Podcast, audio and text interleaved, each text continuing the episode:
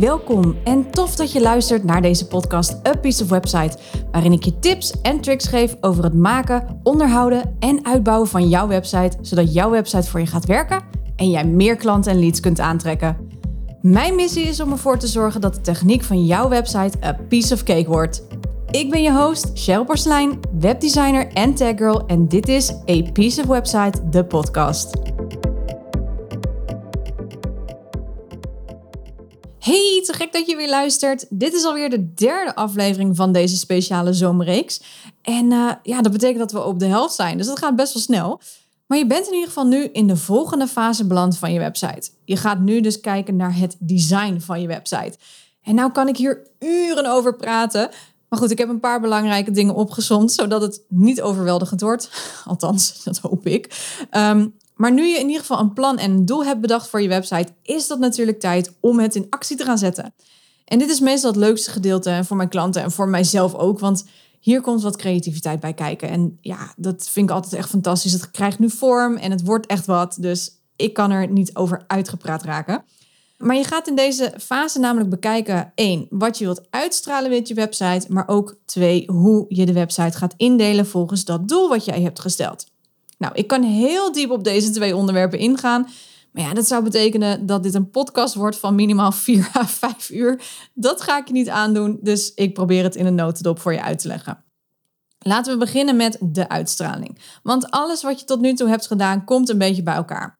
En want als je goed is, heb je uh, je research gedaan naar ook wat je wil uitstralen. En wat voor gevoel wil je oproepen bij je potentiële klanten en publiek?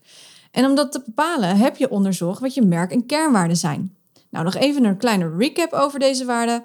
Die merkwaarden zijn de waarden die je extern wilt overbrengen. Dat is wat je publiek moet voelen, zien of denken als ze met jouw bedrijf in aanraking komen. En kernwaarden zijn de waarden die intern bij jou zitten. Hoe wil jij werken? Wat wil je dat men voelt als ze eenmaal met jou praten? Nou, je merkwaarden, die externe waarden dus, die zijn bepalend in het uiterlijk van je bedrijf. Denk aan je logo, je kleuren, je lettertypes en dus ook je website. Nou, deze dingen hangen allemaal samen en voer je in een geheel door over al je uitingen. Kleuren en lettertypes hebben ook zo een eigen psychologie, dus kies die met intentie en met de merkwaarde in je hoofd. Nou, en mocht je nou veel meer willen weten over branding op zich, uh, wat het is en waar je op moet letten, beluister dan even de afleveringen 1, 2, 5 en 6 van deze podcast. Daar heb ik het uitgebreid in over de branding en wat er allemaal bij komt kijken. Nou, alles wat je kiest aan kleur- en lettertypes, maar ook fotomateriaal, etc., dat voer je ook in zijn geheel door in je website. op deze manier draag je namelijk consistentie uit naar je publiek. Een voorbeeld, als jij uh, vrouwelijkheid wilt uitstralen, is het niet logisch dat jij een bruin, een zwart of een blauw gaat gebruiken. Vaak kom je dan op de roze, de paarse, roodtinten of in ieder geval pastelkleuren. Je kiest dan ook niet voor een lettertype dat heel dik is en heel strak is, maar misschien juist voor een iets dunner en wat sierlijker lettertype.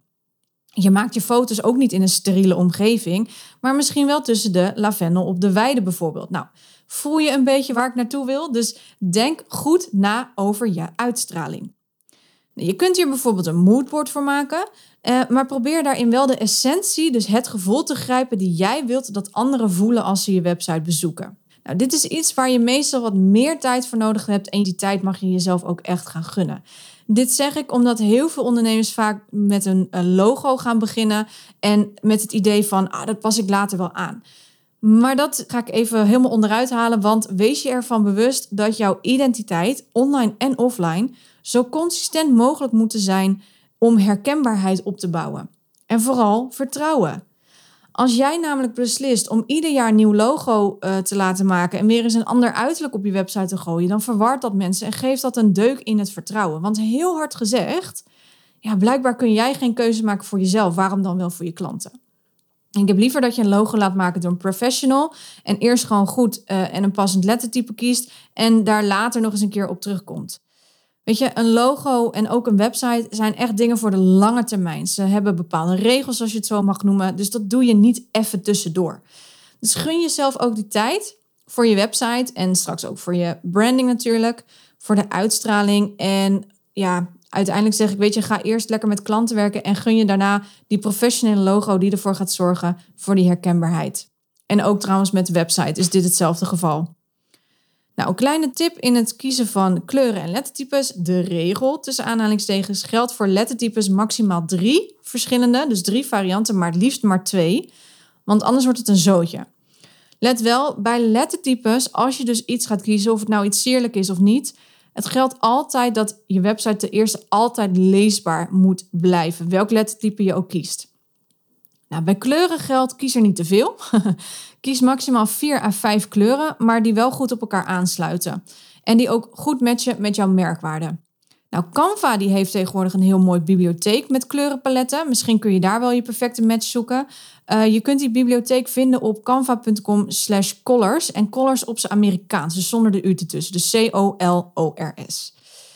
Uh, daar zie je ook dat Canva paletten maakt van maximaal vier kleuren die heel goed op elkaar zijn aangesloten. Dus daar zou ik zeker even een kijkje nemen.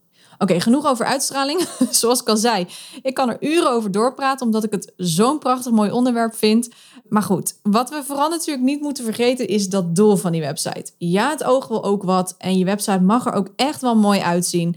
Maar het moet niet afleiden van het doel. Het doel is hoe je de website gaat inrichten en waar plaats je wat. Nou, wat je hier ook gaat bepalen in dit stuk is welke pagina's je nodig gaat hebben. Dus denk aan de homepage, over mij, eh, de contactpagina, een aanbodpagina, een salespagina bijvoorbeeld. En wat moet die pagina doen? Elke pagina heeft ook een eigen doel binnenin dat het overkoepelend doel van je website. Nou, laat ik in ieder geval beginnen met dat elke website deze vijf punten moet bevatten als je met je website aan de slag gaat. Dat is ook voor als je het gaat laten doen door een webdesigner. Dus er zijn vijf punten die ik met je wil delen, die in ieder geval op je site terug moeten komen, zodat in ieder geval dat goed gaat. Nou, een header. Een header is heel makkelijk gezegd het bovenste gedeelte van de website. Dus als jij een website opent, dan zie je vaak het menu en dan een grote foto of een video. Dat is de header. En deze foto of grote video, of wat het dan ook mag zijn, daar staat vaak een grote tekst op. En hier is het van belang dat je de vraag gaat beantwoorden: wat bied je aan wat doe je? Dus zet hier geen vage dingen neer zoals ik zet je in je kracht, want dat is veel te vaag. En dat betekent dat men op zoek moet gaan naar informatie. En daar hebben we gewoonweg geen goede eerste indruk voor gekregen. Dus dan zullen wij dat ook niet zo heel snel doen. Dus je moet daarin echt binnen drie seconden aangeven: wat doe je, voor wie ben je er en hoe maak jij iemands leven beter. Dan de call to actions. Dat zijn eigenlijk lettervertaald oproep tot actie, knoppen. en dat moet het ook echt doen. Geef je bezoeker echt letterlijk aan wat ze moeten doen, bijvoorbeeld om bij je te kopen of om zich aan te melden voor jouw nieuwsbrief, freebie, jouw online programma, etc. Gebruik daarom dus geen lees meer of ontdek hier. Nee, je wilt duidelijk maken wat de volgende stap is. Dus je mag best wat, ja, passive-aggressive noem ik het maar even, uh, tekst erop zetten met Koop nu, meld je aan, registreer hier, download nu. Je zet letterlijk iemand aan tot actie en die persoon hoeft dus ook niet te gissen wat er precies gedaan moet worden. Hier houd je ook echt je doel in de gaten. Hè? Heb jij ervoor gekozen om één op één gesprek als doel te hebben, dan plaats je maak een gratis kennismakingsgesprek op je knop of plan hier jouw intakegesprek. Op deze manier weet iemand precies wat jij van hem of haar vraagt. Nou, en wil je alles weten over call to actions, hoe ze eruit moeten zien, wat erop moet staan, hoe groot ze moeten zijn, welke kleur ze moeten bevatten? Luister dan even aflevering 68 van deze podcast. Daarnaast is er nog het, uh, het, stukje mislukking. In dit stuk geef je aan wat er zou gebeuren als men niet met jou in zee gaat. Dit zie je vooral heel vaak terugkomen op salespagina's van bijvoorbeeld een online programma of een dienst of product wat jij aanbiedt. Want wat gebeurt er als ze niet bij jou iets kopen? Wat betekent dat dan voor hem? Wat missen ze dan? Wat doet dat met het bedrijf of met de persoon? Dus een voorbeeld, als je website niet optimaal is, dan loop je klant en omzet mis. Oké, dat is best wel een pijnlijk punt, denk ik wel voor je. Weet je, dat zet je toch echt wat tot nadenken. Want ja, je website is een rommeltje en daardoor loop je eigenlijk klanten mis en omzet. Nou, zet het in de woorden van je klant en wat het is dat zij s'nachts wakker van liggen. Dus ja, als die website niet optimaal is, ja, dan loop ik dus omzet mis. Nou, natuurlijk is het niet allemaal kommer en kwel. Nee, we hebben ook nog het stukje succes. Jij bent de expert die zij zoeken, die de oplossing kan bieden voor dat pijnpunt. En dit is het onderdeel van de website uh, wat je plaatst als je bijvoorbeeld zegt van nou, wat gebeurt er als ze wel met jouw samenwerking aangaan? Hoe maakt dat hun leven beter? Hoe maak jij het leven van de klant beter? Nou, een voorbeeld, hè, we hadden in de mislukking tussen aanhalingstekens gezegd, oké, als je website niet optimaal is, dan loop je klant en omzet mis. Nou, dat zou je kunnen verweren door te zeggen, ik bouw websites die gericht zijn op resultaat, gebruiksvriendelijkheid en bouw ze met de juiste strategie, waardoor klanten voor je in de rij staan en je meer omzet draait. Dat betekent dus dat mijn probleem wordt opgelost. Dus ik geef ze het resultaat van het resultaat. Zoals mijn copywriter altijd mooi zegt. Dus wat is het uiteindelijke resultaat? Nou, dan als vijfde punt het stappenplan. En dit is wat ik nog heel weinig terugzie op heel veel websites. Is in dit deel van de website kun je aangeven hoe ze dan precies met jou in contact kunnen komen of hoe zij een product kunnen kopen bij jou. Je legt letterlijk uit welke stappen zij moeten nemen. En dat kan een drempel naar een aankoop verlagen, omdat ze er een stukje simpelheid voor terugkrijgen. Waardoor de websitebezoeker denkt: Oh, is dat alles? Ah, dat is wel makkelijk, dat kan ik wel.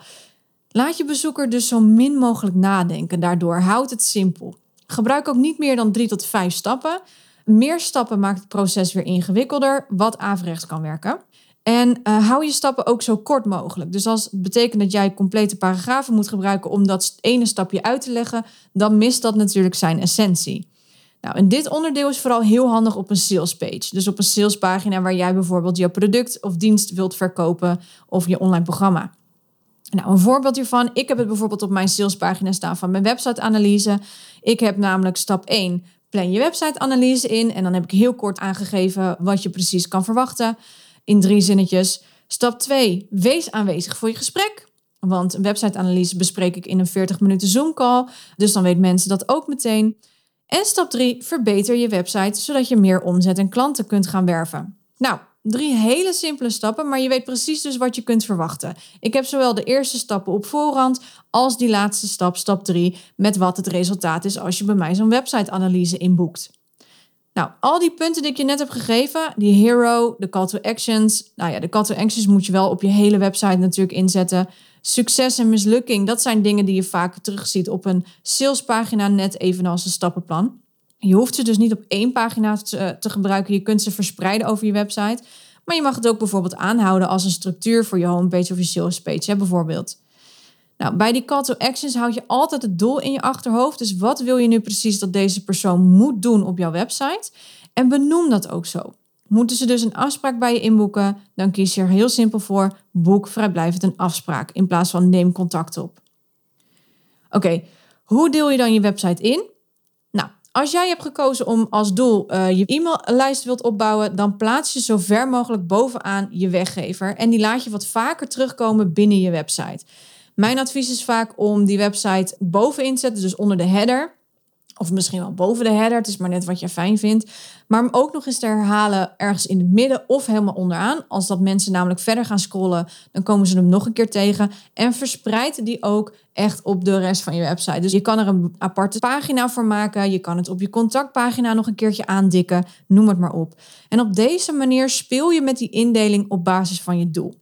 Nou, heb jij een webshop? Nou, dan zou ik zeggen, adviseer ik een, uh, kop te maken met daar bijvoorbeeld onder uh, best verkochte artikelen. En bijvoorbeeld die zo ver mogelijk bovenaan zetten, dus onder je header bijvoorbeeld.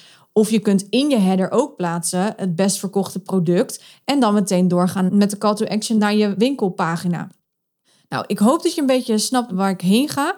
Hoe dan ook, begeleid je websitebezoekers naar daar waar jij ze heen wilt hebben.